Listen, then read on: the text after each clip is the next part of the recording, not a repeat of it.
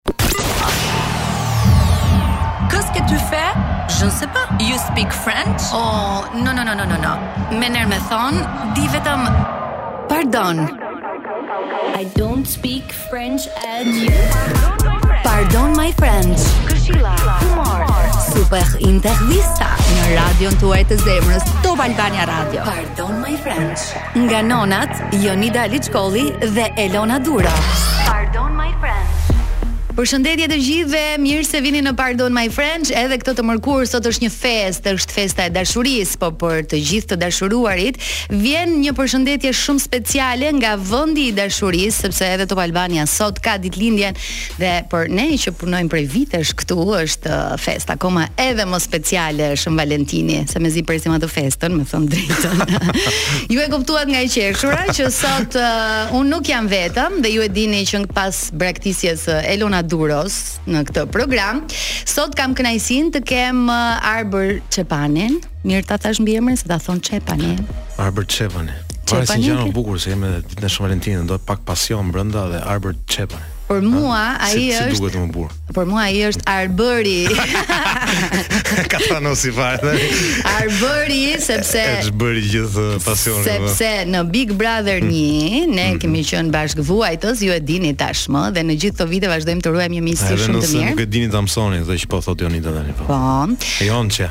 Mirë se më vjen në program. Mirë se të gjeta. Dhe faleminderit që sot do të jesh bashkëprezantues me mua, edhe pse ti e di që un kam shumë qejf të të ngacmoj në këtë ditë të dashurisë. Edhe unë zgjodha një ditë simbolike për të ardhur dhe për të ndarë këtë ditë të gëzueshme me ty dhe me dëgjuesit e Top Albania Radio që bën 26 vjeç apo jo. Aha, i kemi kaluar. Pak, eh, marrim pak nga rinia e Ne e gjetëm 10 vjeç Top Albanian. Po. Po. Që kur ishim pjesë e Top pjesë... Medias, e, e një kalvari të gjatë. E një kalvari të gjatë. Ej, po si të kam një herë? Shumë mirë, shumë mirë. Si m'i ke kaluar këto ditë? Këto ditë të nxehta, shkurti, sepse është po, po lexoj një nga lajmet që uh -huh. është ishte janari më i nxehtë, s'e di besoj edhe shkurti mbrapa se kështu ka qenë, më i nxehtë i gjithë këtyre viteve të fundit, kështu që përkon me këtë Ditë të shënuar Shën Valentin. Atmosferë. Kështu që shumë mirë, i ngarkuar me punë, shumë mirë. Aha. Uh -huh. uh, dhe Bigun ma ke ndjekur apo? Bigun, uh, Bigun është një lloj formati që nuk ka se si mos ta ndjekësh. Edhe nëse nuk do ta ndjekësh, të shfaqet kudo se është uh, aq popullor dhe Dhe këtë vit kemi dhe Ledionin tonë që është superstari i Bigut në të gjitha dimensionet e veta. Pra në këtë edicion jemi me Ledionin. si shumë të tjerë besoj me me Ledionin, ë uh, dhe ishte unë kam e thashë që javën e parë që kasti që mm, i Big Brother 3-shit ishte kast shumë i përzgjedhur. Ëm um, të gjithë kishim pritshmëri të larta për këtë kast dhe normalisht nuk është se kanë rënë pritshmëritë, por mua më pëlqen gjithmonë që personazhe që ne i shikojmë në një vello të përditshme dhe krijojmë komplet atë imazh që ata duan të na shesin dhe që ne e blejmë, uh, kur i shikojmë aty brenda uh, janë komplet në në një lloj formati tjetër, le të themi në një vello tjetër dhe kjo është e bukura, sidomos e Big Brother VIP që ne ia zhveshim atë vellon dhe shikojmë komplet personazhe të tjera. Kështu që pavarësisht pritshmërive tona, bëhet akoma dhe më i bukur sepse dhe kur të bien pritshmëritë për disa personazhe, prapë është interesante sepse i shikon komplet në një format tjetër. Për këto dhe shumë të tjera, se mm. ju e dini që Arbri nuk kursehet me opinionet e tij, ne do të flasim deri në fund të programit sepse ju e dini që këtu flitet hapur. Ne japin opinione. Komentojmë lajme që kanë qarkulluar gjatë gjithë javës, ë uh, jo vetëm në lidhje me Big Brother, por edhe për Big Brother. Kanë ndodhur shumë gjëra këtë javë dhe Arbrin dua ta lë sot në pozicionin e policit të keq. se unë jam se unë jam shumë e mirë për këtë program. Edhe që lexova aty thashë polici i mirë, polici i keq Polici thashë keq, mua. a, E sigurisht unë më jap i- mirë, se unë i- jam ke- ë, unë. ti je i kulluar, Unë jam i- Arbër. I buzëqeshur, i mirë, i pozitiv, ta s'mund të ma bëj këtë gjën. Kështu që përpara se të fillojmë me gjithçka që ka E ndodhur dija këtë që isha me javë. të futur, e dija. Po. Do të flasim po ashtu edhe me Tomi Kallanxhin që do ta kemi pak minuta më vonë në lidhje me një ngjarje që tashmë e dimë të gjithë që ka të bëjë me TikTokun dhe një histori tragjedie që vjen më pas. Ja ku jemi sërish së bashku, Arbër hë mo, si po ndihesh? Më ke dhënë këtë fiqe në dorë, ha, shumë interesante. Që po shave, t'i biesh asaj, Tani, se të të them një detaj interesant. Hmm. I thashë uh, tim eti sot, po iki në radio i thashë. Mhm. do bashkëprezantoj thashë me Jon Shentime. Po tha, sa mirë tha, se duke u marrë tha me biznes tha e gjithë kohës me nerva tha, ngele duke sharë tha. Edhe t'u shprish fare fjalori tha, shumë mirë tha që do dalësh atje tha, të paktën tha, ato orë që do dalësh në radio tha, do flasësh ato që duhen thënë tha në mënyrën e duhur dhe vjen ti edhe më jep këtë fiqen që të shaj nga nëna nga Që të flasësh siç duhet pra, në mënyrën e duhur. Jemi në një orar që nuk uh, flasim dot dhe edhe pse quhet na falni për shpreh. Na falni. Pardon, bro. my friends. Okej, okay, uh, tani do të kalojmë tek uh, një lajm i cili veç së gjithash na ka shokuar, është lajmi për 27 vjeçaren e cila u vetëvra pas një shantazhi me fotot intime, momenti i arrestimit të këtij personazhi të TikTokut ka bërë bujë në të gjitha uh, mediat rozë, televizionet në gjithë rrjetet sociale Ëm ka ndodhur kjo tragjedi pas uh, kësaj ngjarje që mua nuk e di, domethënë u bënë disa raste që TikToku po shkakton këtë lloj trysnie tek njerëzit edhe dhe nuk nuk di, nuk i jap dot ende një shpjegim. Për ta bërë pak më serioze situatën, ne do të kemi uh, në një lidhje telefonike Tomi Kallanxhin, i cili do të na informoj, do të na jap disa detaje në lidhje me atë që ndodh në rrjetet sociale, sepse nuk duam të hyjmë Arbër thellësisht sepse ajo i takon drejtësisë se si do të zgjidhet në një tjetër formë, por uh, Tomi jo, po kjo besoj ishte një situatë që pritej, ë. Tomi, përshëndetje një herë se uh, përshëndetje, përshëndetje. Ne jemi miq të vjetër bashk, po meqë uh, e nisëm me një dyzim të mbiemrit të theksit tim, Edhe unë kam patur gjithmonë këtë dyshim për mbiemrin tënd, është Kallanxhi apo është Kallanxhi? Kallanxhi. E shikon, ah. kisha të drejtë. kisha të drejtë. Po.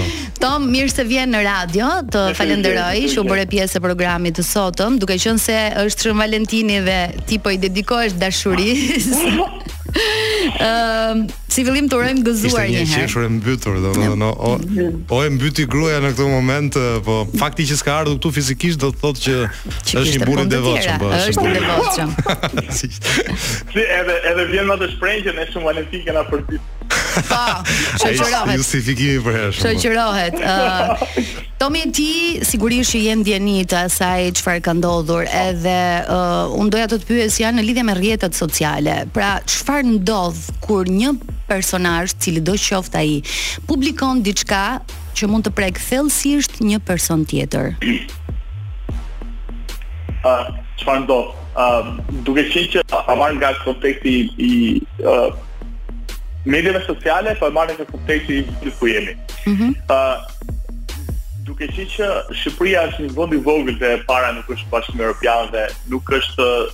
se është decision maker në ligjet që vendosen edhe për Bashkimin Evropian.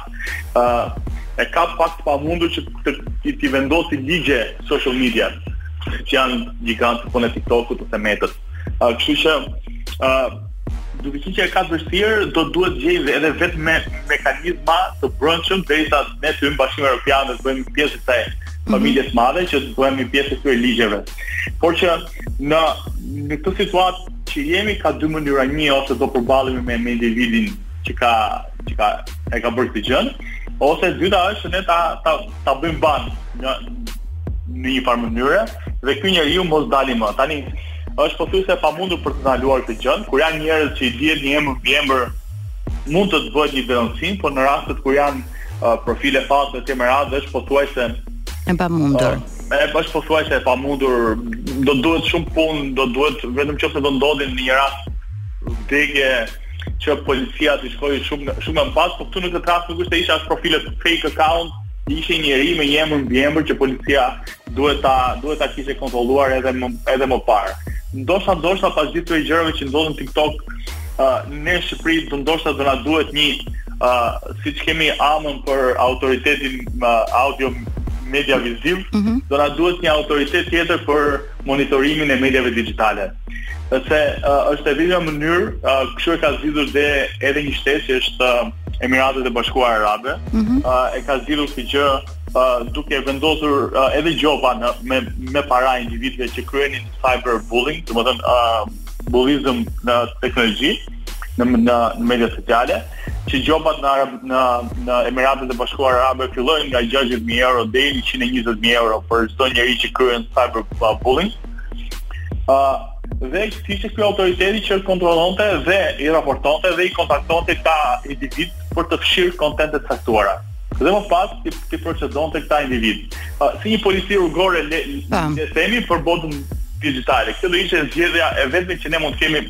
momentalisht për të për të qetësuar pak situatën.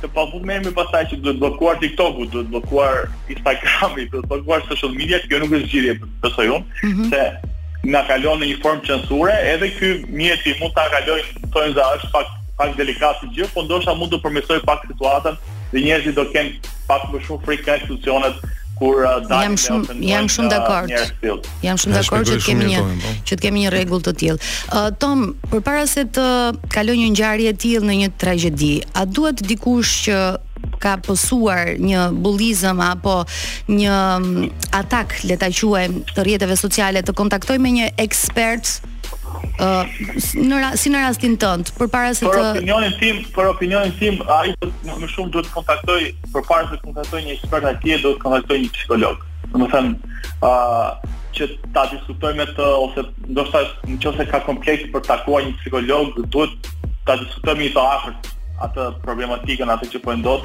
se në shumicën e rasteve përpara se këto gjëra të ndodhin të kthehen në tragjedi, ë këto gjëra mbajnë mbajnë për vete. Domethënë nuk diskutojnë me askënd dhe fund fare merret një vendim drastik edhe Po dhe forcat e rendit patjetër, ëh, se është një situatë ah. pavarësisht se nuk sulm kibernetik po. Sulm kibernetik ekziston si ligj, pavarësisht se ndoshta nuk e aplikojmë siç duhet, por besoj që hapi i parë njerëz përpara se të zgjidhim hallin me me veten, duhet të zgjidhim hallin me personin tjetër që mund të krijojë një mund të bëjë një shantazh me me informacione personale jo, tonë. Jo, ndonjëherë, ndonjëherë un prandaj nuk thashë psikologun fillim dhe zgjodha ekspertin IT se ëh, uh, domethënë ka shumë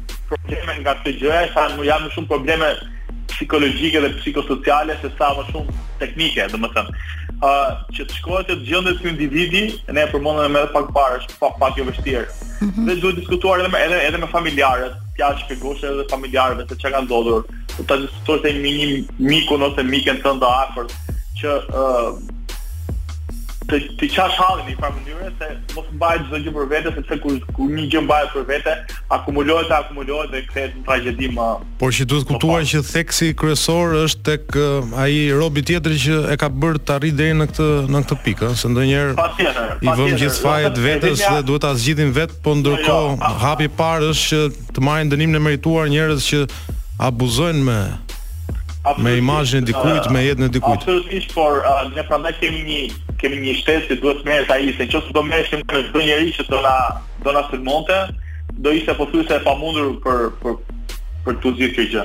Ë uh, dhe un prandaj thashë e vetmja mënyrë është që ne të krijojmë një autoritet, siç e thashë mm -hmm. emergjencë kombëtare, besoj kjo kjo gjë se i ndodh shumë njerëzve vetëm mua më kontaktojnë me dhjetra njerëz çdo muaj për këto lloj problematikash. Sa për ca kemi zgjidhje, për ca nuk kemi zgjidhje. Ë uh, kështu që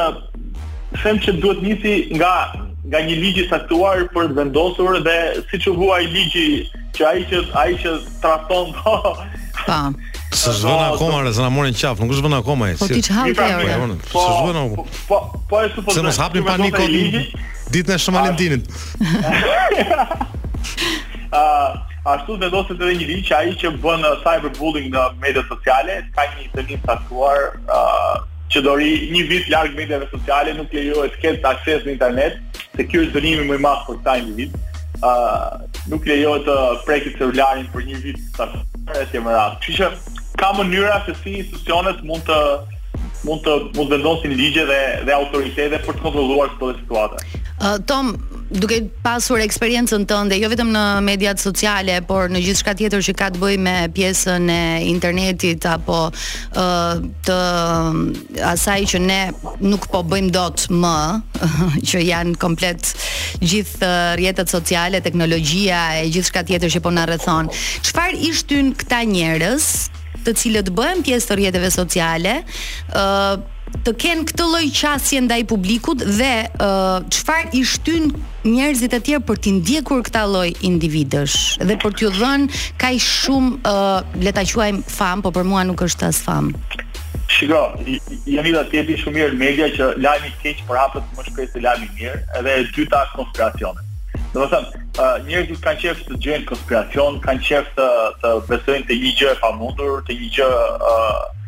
Prandaj këta njerëz qarkullojnë në internet, prandaj ka grupime në internet që besojnë që toka është e sheshtë, prandaj mm. mblidhen gjithë mijëra njerëz që i ndjekin këta dhe i besojnë dhe prodhojnë video, prodhojnë content e tjerë me radhë, edhe pse uh, YouTube-i edhe uh, platforma të ndryshme i kanë bllokuar këto lloj këta lloj individësh, uh, por që uh, çështja është gjithmonë njerëzit tërhiqen nga kjo uh, mistikja, konspiracioni e pamundura e keqja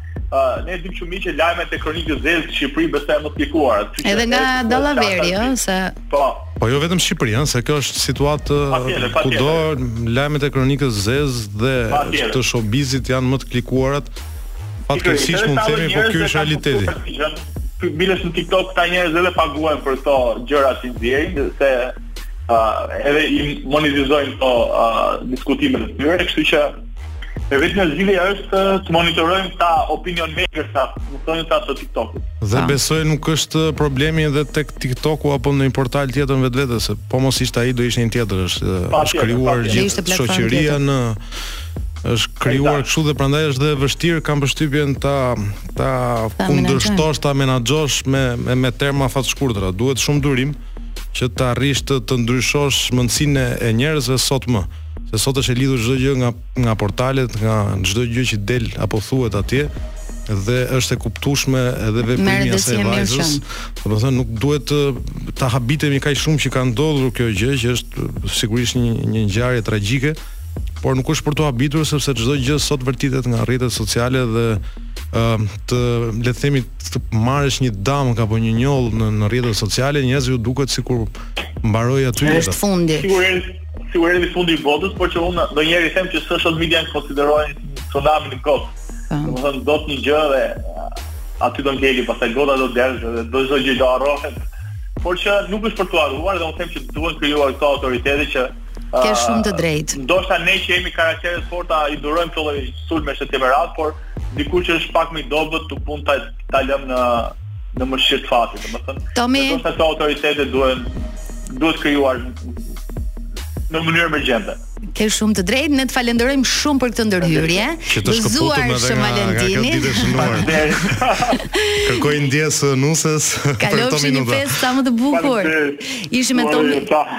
Ishim me Tomi Kalanxhin në radio për të diskutuar për një lajm që ka qarkulluar dhe na ka tronditur të gjithëve. Shkëputemi për pak minuta dhe rikthehemi sërish. Ja ku jemi sërish me Arbrin. Arbër nuk më the si do e kalosh Shën Valentinin sot. Unë uh, prandaj erdha këtu në emision me ty sot që të kap atë festën e Top Albania Radios në darkë, kupton? Ah, shiko. Po të kisha ardh një ditë më mbrapa si quhesh, nuk isha pjesë e gjithë. Nuk do isha pjesë. po ne sot do të kemi një festë shumë të bukur në një ambient super special mm. dhe uh, Arbri është uh, oguri yes. i kësaj feste të sotme. Jam i zgjuar, nuk bëj kështu zgjedhje kot unë, kupton edhe. Tani nuk më dhe përgjigjen që doja. A thash për përgjigjen? Kush do jetë po në, te uh, festa sot? Po festojmë kolektivisht si një skuadër e vetme si, si një familje e madhe. Ha. Me motra dhe vlezër shumë. Moj motër. Si i ke punët te Shën Valentini, ë? Se kemi edhe ca kështu që nxehen. Atë keq vllai. Ë, një tjetër lajm i cili po ashtu ka tërhequr vëmendjen e mediave dhe jo vetëm, edhe një pjesë e mirë e njerëzve kanë filluar që me sa shoh unë në rrjet, që u mësuan me këtë tani që hakerat Arbër na sulmojnë një herë në banka. Të pabesët. Një herë tek Bilanci erar. një herë tek De de, ça ishte, e-Albania. Gjithashtu na vin mend apo mund të çfarë të duash. Çfarë të duash. Vetëm shtype. Tash të paktën ta kap festën në darkë, kupton mos mos më bëjnë ekspuls. Më së fundmi kanë sulmuar faqen e Institutit të Statistikave Instat, kanë fshirë informacionet. Si e them më së fundmi apo së fundmi? Më së ose së fë. Më së fundmi, ke ke keni. Keni statistikë që do ta heqësh qafe që domosdo punë apo? Po, a na i heqin këto këstet e kredisë? Atë ke hall? Të na i fshijnë ore pse nuk na i zerrojnë këto. Është sektor tjetër ai zemra. Këta të mbajnë në statistikë kur e ke festuar Shën Valentinin, me kë ke festuar e kështu me radhë. Ëh, uh, siguria uh, kibernetike ka njoftuar se nga ky sulm ndaj Instatit janë infektuar 40 kompjutera. Ky sulm i pabesë, po. Nga të cilët 6 prej tyre janë fshirë komplet. materialet në sistem. Ata më të rëndësishmit dhe ata ata informacione më delikate, po. Ë uh, është bërë po ashtu me dije se synimi i këtij sulmi në fakt ishte fshirja e të dhënave të sistemit, ndërsa nga analiza e bërë prej Autoritetit Kombëtar për Certifikimin Elektronik dhe Sigurinë Kibernetike është arritur në konkluzionin se sulmi kibernetik ndaj Instat është bërë nga grupimi Homeland Justice i sponsorizuar nga Irani. Çfarë mendimi ke për këto sulme? Se unë nuk e kam kuptuar kurrë çfarë i duhet kaq informacion nga Shqipëria. Po, në fakt se po flisnim pak me Tomin edhe këto idetë e konspiracionit dhe duket gjithmonë sikur ka një konspiracion në mes, sidomos kur fshihen të dhënat që mund të jenë shumë të rëndësishme për disa dhe Për disa mund të jenë fatkeqe që janë fshirë, por për të tjerë mund të jenë eh, fat mund të jetë ditë fatlume që. Mund të jetë dita më e bukur e vitit. Mund të jetë dita më e bukur e vitit. Kështu që gjithmonë ka një ka një dyshim për të qenë sinqert, domethënë kur dëgjoha këto lloj uh, lajmesh, gjithmonë uh, është ai konspiracioni se sado që mund të dalin specialistë, mund të dalin përfaqësues të administratës publike, thonë kjo është një ditë e errët për administratën dhe statistikat po, tona të mbledhura me shumë me shumë. A jemi të ekspozuar ndaj gjithë këtij informacioni se duke qenë që ka vite që qarkullon që ti mjafton të fusësh emailin, të hapësh një rrjet social, të vësh locationin se ku je. Ne ne nuk kemi çfarë, i kanë këto informacione. Sigurisht ky është institucioni që mbledh më shumë informacione dhe statistika se kushdo se kushdo tjetër, kështu që teorikisht Ne nuk jemi të ekspozuar ndaj çdo informacioni, ata që e kanë në dorë apo që mund të t'i përdorin këto informacione për diçka që mund të jetë mund të jenë edhe çështje penale në mes, ëh, që përdoren statistika e informacione të caktuara. Kështu që për disa sikurse thashë mund të jetë edhe një lajm fatlum, por Se si qëndron e vërteta pastaj kur futen në mes edhe kur futen në mes edhe iranianët. A ndihesh i rrezikuar në këtë rast bëhet edhe një organizatë që merr për sipër domethënë e gjithë gjëja pastaj bëhet shumë më hollywoodiane dhe dhe sido që themi dhe çado që themi ne këtu prap nuk është se do t'ia gjejmë fundin e historisë çfarë do doje të të fshihej nga sistemi? sistemi. Sa do bëj reformatim ta. Dëgjo, unë kam përshtypjen. Unë tash po ma zeronin këtë kredinë, do isha shumë e lumtur. Uh, unë kam përshtypjen që çdo fillim i ri është uh, diçka pozitive, domethënë ne çado që të kemi, ne kemi zemrën tonë, kupton edhe. Po, e kemi të ngullitur. Ato gjëra që mbeten në statistika dhe janë me numra, me gjëra, më shumë për të prish punë janë, se për çfarë tjetër, kupton, kështu që nuk është se të duhen për në gjithë, thash. Ike aty. Ti e ke në shpirt atë që do të mbash në shpirt. Kështu që çdo gjë tjetër mund të thellë je afër. Çdo gjë tjetër mund të përdoret kundra teje. Kështu që momentin që fshihen, mirë është se është një tabula rasa dhe fillon mm -hmm. me me pastërti, me duart të pastra sërish. Te gjërat e zemrës që i ke ngulitur në mm. shpirt, çfarë ke? të fundme. Por unë e kuptoj që është dita e Shën Valentinit. Apo vazhdojmë Unë e kuptova. Të jemi në rregull. Ishte ishte me të futur e gjithë gjëja që më ftove, por në nuk ti mund të insistosh, por nuk të u uh, ja dhe një. Ja, ka një lule këtu për Shën Valentin. Dhurove gjë sot. Uh, shkova um, kur more në telefon që më the hajde Arbër se duhet të vish isha majë një dege peme për të këputur një mimozë oh. Por meqenëse jam djalë korrekt dhe nuk doja të vonohesha dhe më po. ngeli pak puna te dega e mimozës. Sapo të mbarojmë tani do të shkoj ta këpus. Gentil si gjithmonë Arbri, uh, nuk mbaron me kaq se dua të më thuash përgjigjen që s'ma ke thënë akoma. Uh, publiku do të di Arbri. Publiku njerëzit, fansat. fansa. Njerëzit, fansa duan të dinë. Po çmenden, nuk po nuk po shijojnë dot as Shën Valentin sepse duan të dinë Çfarë po bën Arbri me jetën e tij? Do të ne do të shkëputemi për pak dhe rikthehemi sërish në Pardon My French. Ja ku jemi sërish në transmetim, Jonça ka një. Mo si po duket radio. Ka, ka një kështu një presion që do patjetër përgjigjen, por nuk e di që. e di që je shumë diplomat. Kështu që do lodhem kot. S'ke si do lodhesh kot. Ti lodhu një, se s'i dihet, në fund të emisionit po. s'e di çka po. Dhe meqë jemi tek presionet dhe të përjetimet, sikurse mm -hmm. i kam dhe unë ndaj teje në këto çaste, Janë përjetimet që kanë familjarët e Big Brotherit. Të dy ne jemi ish të burgosur po. politik të, të Big Brotherit. Dhe nuk flasim shumë kot, ëh, siç mund të flasin dy prezantues dhe të hamendësojnë mbi presionet që mund të ketë, se ça ndodh atje dhe mbi të gjitha se si e përjetojnë familjarët jashtë. Dhe duhet thënë që përjetimet e familjarëve kam përshtypjen nga eksperienca jonë personale, por edhe nga ç'po shohim në vijim, janë akoma dhe më të forta nga përjetimet e atyre që po përjetojnë atë eksperiencë, sepse mm -hmm. ata që përjetojnë atë eksperiencë janë të mbyllur në katër muret e shtëpisë. Kanë kontakt vetëm me ata që kanë aty. Edhe në qoftë se katranosin në diçka, domethënë apo siç thuhet ndryshe, më fal mm -hmm. babi, dhjesin në diçka, domethënë prapë nuk e kuptojnë impaktin që mund të kem mund ta ketë patur kjo ky ky akt.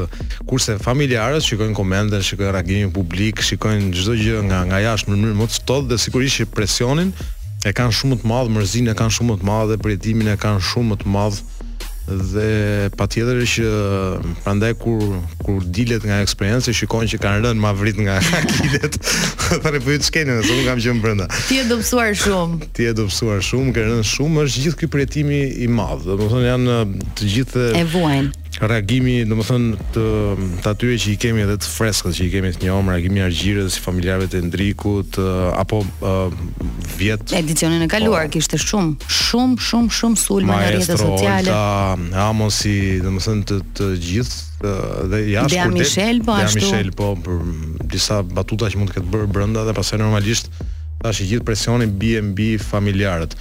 Ë është diçka që nuk është se e zgjidh dot familjarët, domethënë ndoshta edhe ata familjarë që po na dëgjojnë tani që kanë kanë të afërm të tyre brenda, nuk është se zgjidh ndonjë gjë duke u stresuar më shumë apo duke u mërzitur më shumë apo duke përjetuar më shumë. Futini një mendje të lehtë. Futini një mendje të lehtë, mos lexoni ato komentet, mundohuni të rrini jashtë. Merrni vetëm gjërat pozitive të të kësaj eksperience që familjarët tuaj po përjetojnë, edhe pse kanë përshtypjen që është shumë e vështirë. Për shembull, vitin e kaluar uh, Armaldo kishte uh, bashkëshorten shtatzënë dhe kam lexuar komente të tmerrshme, të tmerrshme, të frikshme sa i përket uh, asaj vetë, po edhe shtatzanisë. Domethënë, për mua që jam nënë, është fundi i fundit. Pra nuk e di se ku mund të arrin këta njerëz që po t'i shihje nga fotot e profilit nuk ishin as fake, mund të ishin dhe gra me fëmijë, ë uh, thjesht se ishin të afeksionuar pas një uh, X personazhi brenda shtëpisë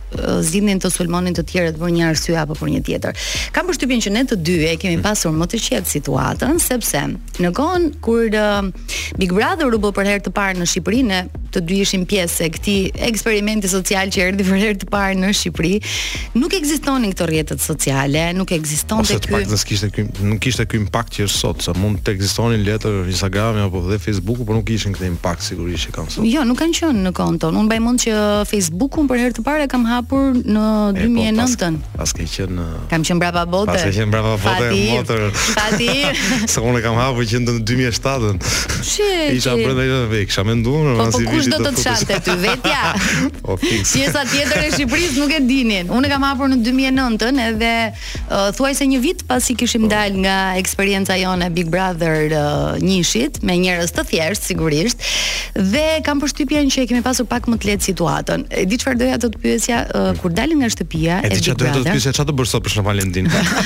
Kalojmë prapë te fillimi. Uh, kur dalin dhe janë në studio dhe i intervistojmë, pasi kanë lënë eksperiencën, janë të gjithë të shokuar, të shokuar, uh, janë si të përhumbur. Ti çfarë mban mend kur Gjëja mbaroi dhe dole fitues. Që ajo më kujtohet në mëngjes kur u çova, domethënë fjeta si Kërkoje mikrofonin. Dhe meqë ra fjala, përshëndesim shoqen tonë të nderuar Elona.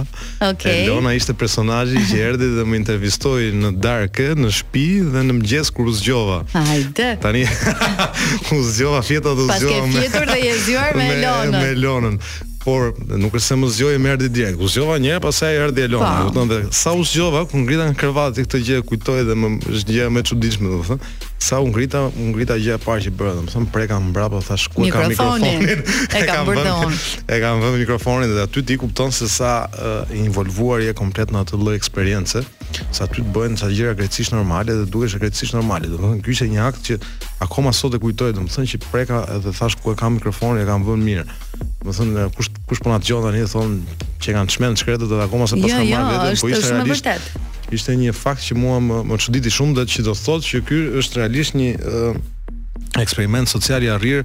Unë e kam thënë gjithmonë edhe ditën e e, e 100 që Arbana tha do të dilni, mua më vinte një lloj çudie, thashë ku do të dal, domethënë nuk është se ty të... si do ambientohem. Si do ambientohem, domethënë ajo bota e e jashtme ty të dukej sikur thjesht e kishe lexuar diku në histori që ka një jetë sociale jashtë, po sikur po e kishe humbur atë pjesë që ti ke qenë pjesë e asaj jete sociale. Dhe Kjo është prandaj për t'iu rikthyer uh, pyetjes tënde, prandaj ndoshta janë të shokuar ato ditët e para se ju edhe i merrni direkt sapo dalim ma vris diku ju i bombardoni me pyetje. Me pyetje, me pyetje që o zot, domethënë. Si ta bëri, si the, po ti ça bëre, po ti pse ashtu, ata pak janë të dambllakos nga aty brenda, dalin jashtë trullosen fare. Kam përshtypjen që e përjetojnë dhe këtë trysninë e rrjeteve sociale. Komentet negative kanë shumë impakt. Patjetër, po ka dhe një diçka tjetër, ne nuk e dinim se çfarë do ndodhte jashtë me me gjithë këtë trysni, po këta praktikisht e dinë.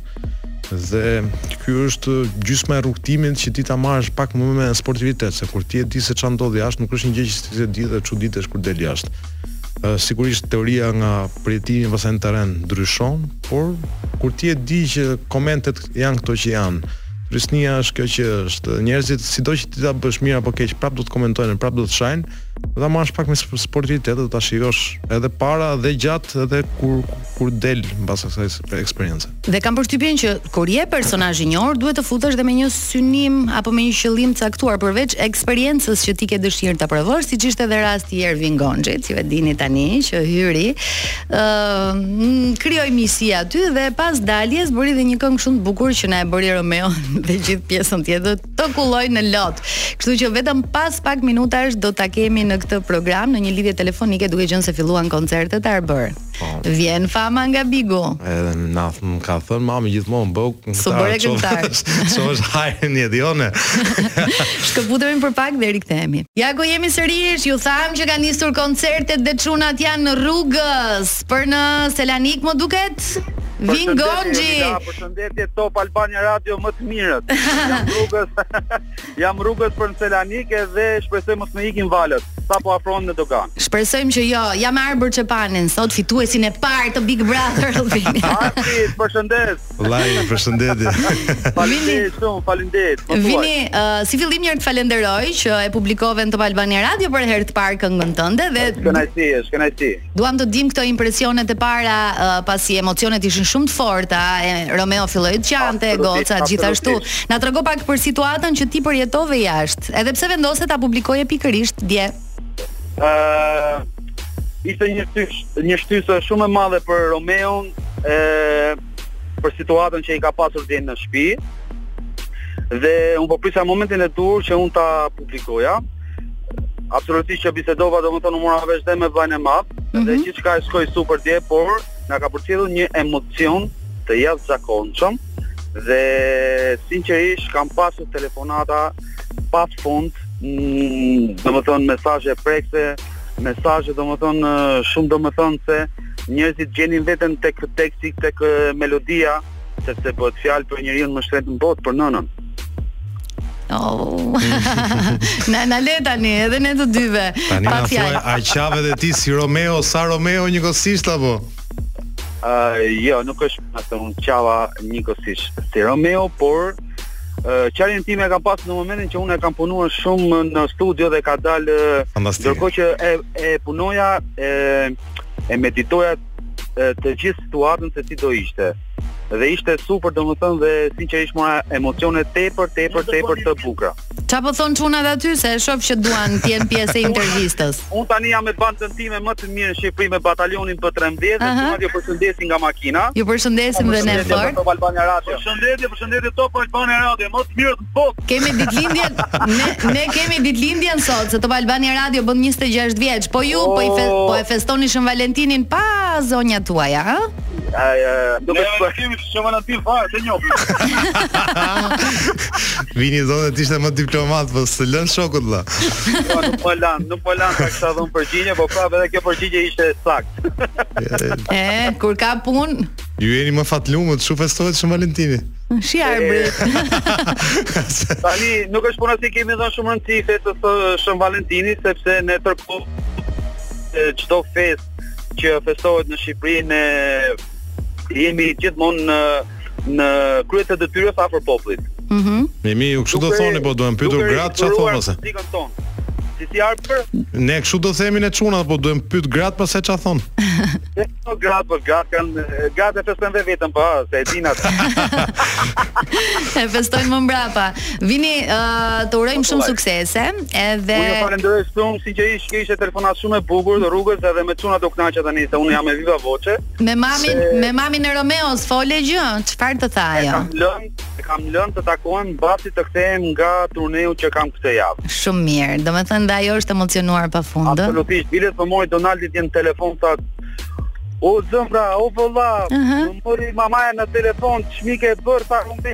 Shumë të po.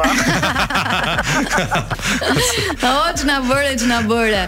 Vini, shumë faleminderit për këtë ndërhyrje, ishin emocionet e para pas publikimit të këngës. Të Falenderojmë përqafojmë. juve që na jepni shumë emocion dhe që na i krijoni këto mundësi që edhe ne të tregojmë çdo produksion tonin, çdo emocion tonin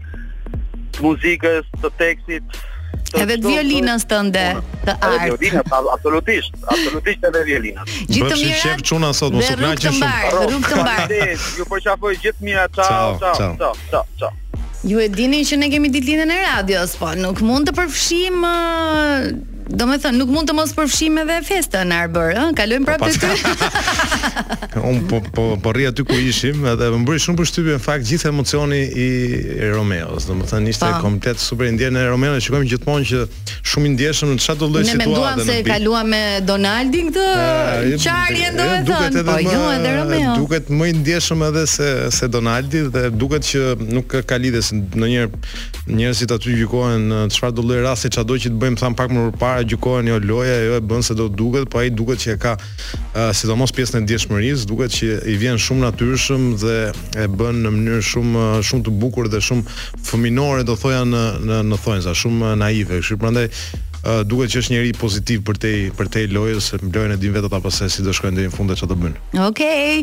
Folëm për muzikë të mirë, për emocione të bukura dhe do të vazhdojmë të jemi edhe për disa minuta të tjera në Top Albania Radio me Pardon My French. Pardoni Arbër, bën një mix lajmesh. Dhe që mos ta bënim kështu totalisht uh, tragjedi, edhe pse ka çdo ditë lajme të kronikës së zezë në Shqipëri, ë uh, dhe totalisht Big Brother, vendosëm që të diskutojmë sot me Arbrin edhe për një lajm që ka tërhequr vëmendjen e mediave dhe jo më pak se Kate Winslet ka thënë që fama është e tmerrshme. Kjo është ajo që vinte dorën ke xhami aty te avulli. Pas Titanikut tha, jeta ime ndryshoi. Ndryshoi, avujt u shtuan edhe më shumë edhe. Dhe, Ai, dhe ajo që unë nuk kuptoj është që luftojnë kaq shumë për t'u bërë të famshëm, për të marrë vëmendjen dhe pastaj Dhe pastaj vënë syze dielli dhe vënë kapele. Nuk duan që njerëzit t'i njohin dhe e përjetojnë shumë këtë këtë famën. Duke qenë se e, le ta themi që dhe fama jote ishte menjëhershme sa i përket showbizit edhe jetës publike. Ti e ke përjetuar shumë pak. Ëh, uh, Kam përshtypjen se përjetuar. jo, kam përshtypjen sigurisht që është traumë e madhe të marrësh një famë, sidomos në rastin e, e, e një reality show si Bigu, po kam përshtypjen edhe në në rastin e aktores në fjalë, Titaniku në atë kohë ishte Do me thënë, ajo kishte interpretuar dhe filma të tjerë, po, po, po pas po, Titanikut ishte, ishte Titaniku ishte filmi që të gjithëve na na tjetërsoi, le të themi sa i përket në raport me kinemanë, ishte gjigant në të gjitha aspektet dhe normalisht fama që e ka marrë nga pas ka qenë shumë më e madhe se çdo film tjetër që mund të ketë bërë përpara. Tani ë duhet ndryshon shumë konteksti i Shqipërisë me me Shtetet e Bashkuara dhe vendet e tjera sepse Në Shqipëri i gjen vipat edhe te te, te sufllaqet. Sufllaqet. I gjen aty nga ora 3 natës, masi kanë pirë një gotë me ne pab dhe takohen gjithë aty ke ke, ke paçe pilafi aty. Kështu që nuk është dhe aq e vështirë të jesh vip. këtu. Ti i shef kudo, domethënë janë, domethënë ndryshimi i një VIP-i ndërkombëtar është që ti nuk e ke kollaj të prekshëm fizikisht. Kurse këtu sado VIP që ti të jesh, ti këtu e shef në një moment të caktuar po. Po patjetër e shef kudo, e shef nëpër evente edhe e rastis shumë se jemi vend i vogël dhe kjo kam përshtypjen që i ul ato i ulet atë presionin që dikush ka për veten, por edhe nga ana tjetër dhe ata fansat më të çmendur le të themi, duke qenë se e dinë se e kanë aty vërdall Nuk është se besoj bëhen aq të fiksuar sa ç'mund të bëhen me personazhe ndërkombëtarë që janë të Hollywoodit që ti mendon fare si divinitete sepse di që as e kam për të pa njëherë as ka për të më pa njëherë edhe prandaj ti fillon e krijon ato situatat në mendjen tënde si un për shembull që po. deklaroj hapur dashurinë për po. Tom Hardin Po. Se të ishte një tjetër i prekshëm nuk do të flisja. Sa vizë është si gangster. Si gangster. E di që nuk do të po. takoj kurrë në po. jetë. Edhe burri është i qetë se e di që s'kam ta takoj kurrë, po më mirë me këta që s'i takoj se sa një tjetër. I kput dhe ai ndonjë kështu Charlize Theron. Ai i bën gjithë kështu. Edhe jemi kështu barazim po, te kjo pjesa. Po festosh Shën Valentinin me të dashur, kush është Angelina Jolie? Angelina Jolie. Është e dashura ime imagjinare. Mhm. Uh, kurse unë Arbër meqë më pyet, Shën Valentinin e festoj. Tek festa e radios, uh. domethënë u bënë 16 vite që çdo uh, 14 shkurt ne kemi gjithmonë festë dhe unë harroj fare që është festa e dashurisë se e lidh gjithmonë me Top Albania Radio. Do ta thosh në mënyrë kaq protokollare, domethënë përtej festës, përtej angazhimeve profesionale. I thashë vetëm lule mos më sill. Ah, çdo gjë tjetër, ëh. Hidhe lekun për çfarë të duash. Kësaj radhe mos më Për ca gjëra më serioze, the. Mos më jo. kalo vetëm me lule. Uh, unë them të dëgjojmë uh, një këngë të bukur që na lidhet me dashurinë dhe do të rikthehemi sërish në Pardon My French. Jemi drejt fundit të programit, por kemi ende për të diskutuar me Arbrin. Sot ej, po që u kënaqa me ty, qenke ah. një partner shumë i mirë i radios, pranon ti Arbër Çepani të kalosh pjesën tjetër të Pardon My French në Top Albania Radio me mua derisa Elona Duro të na ndajë. Pum pum. Pum pum. pum. Pum pum. Po duhet. A do të okay. me lupsu turq me mua po duhet, po. U vendos, u vendos. U vendos.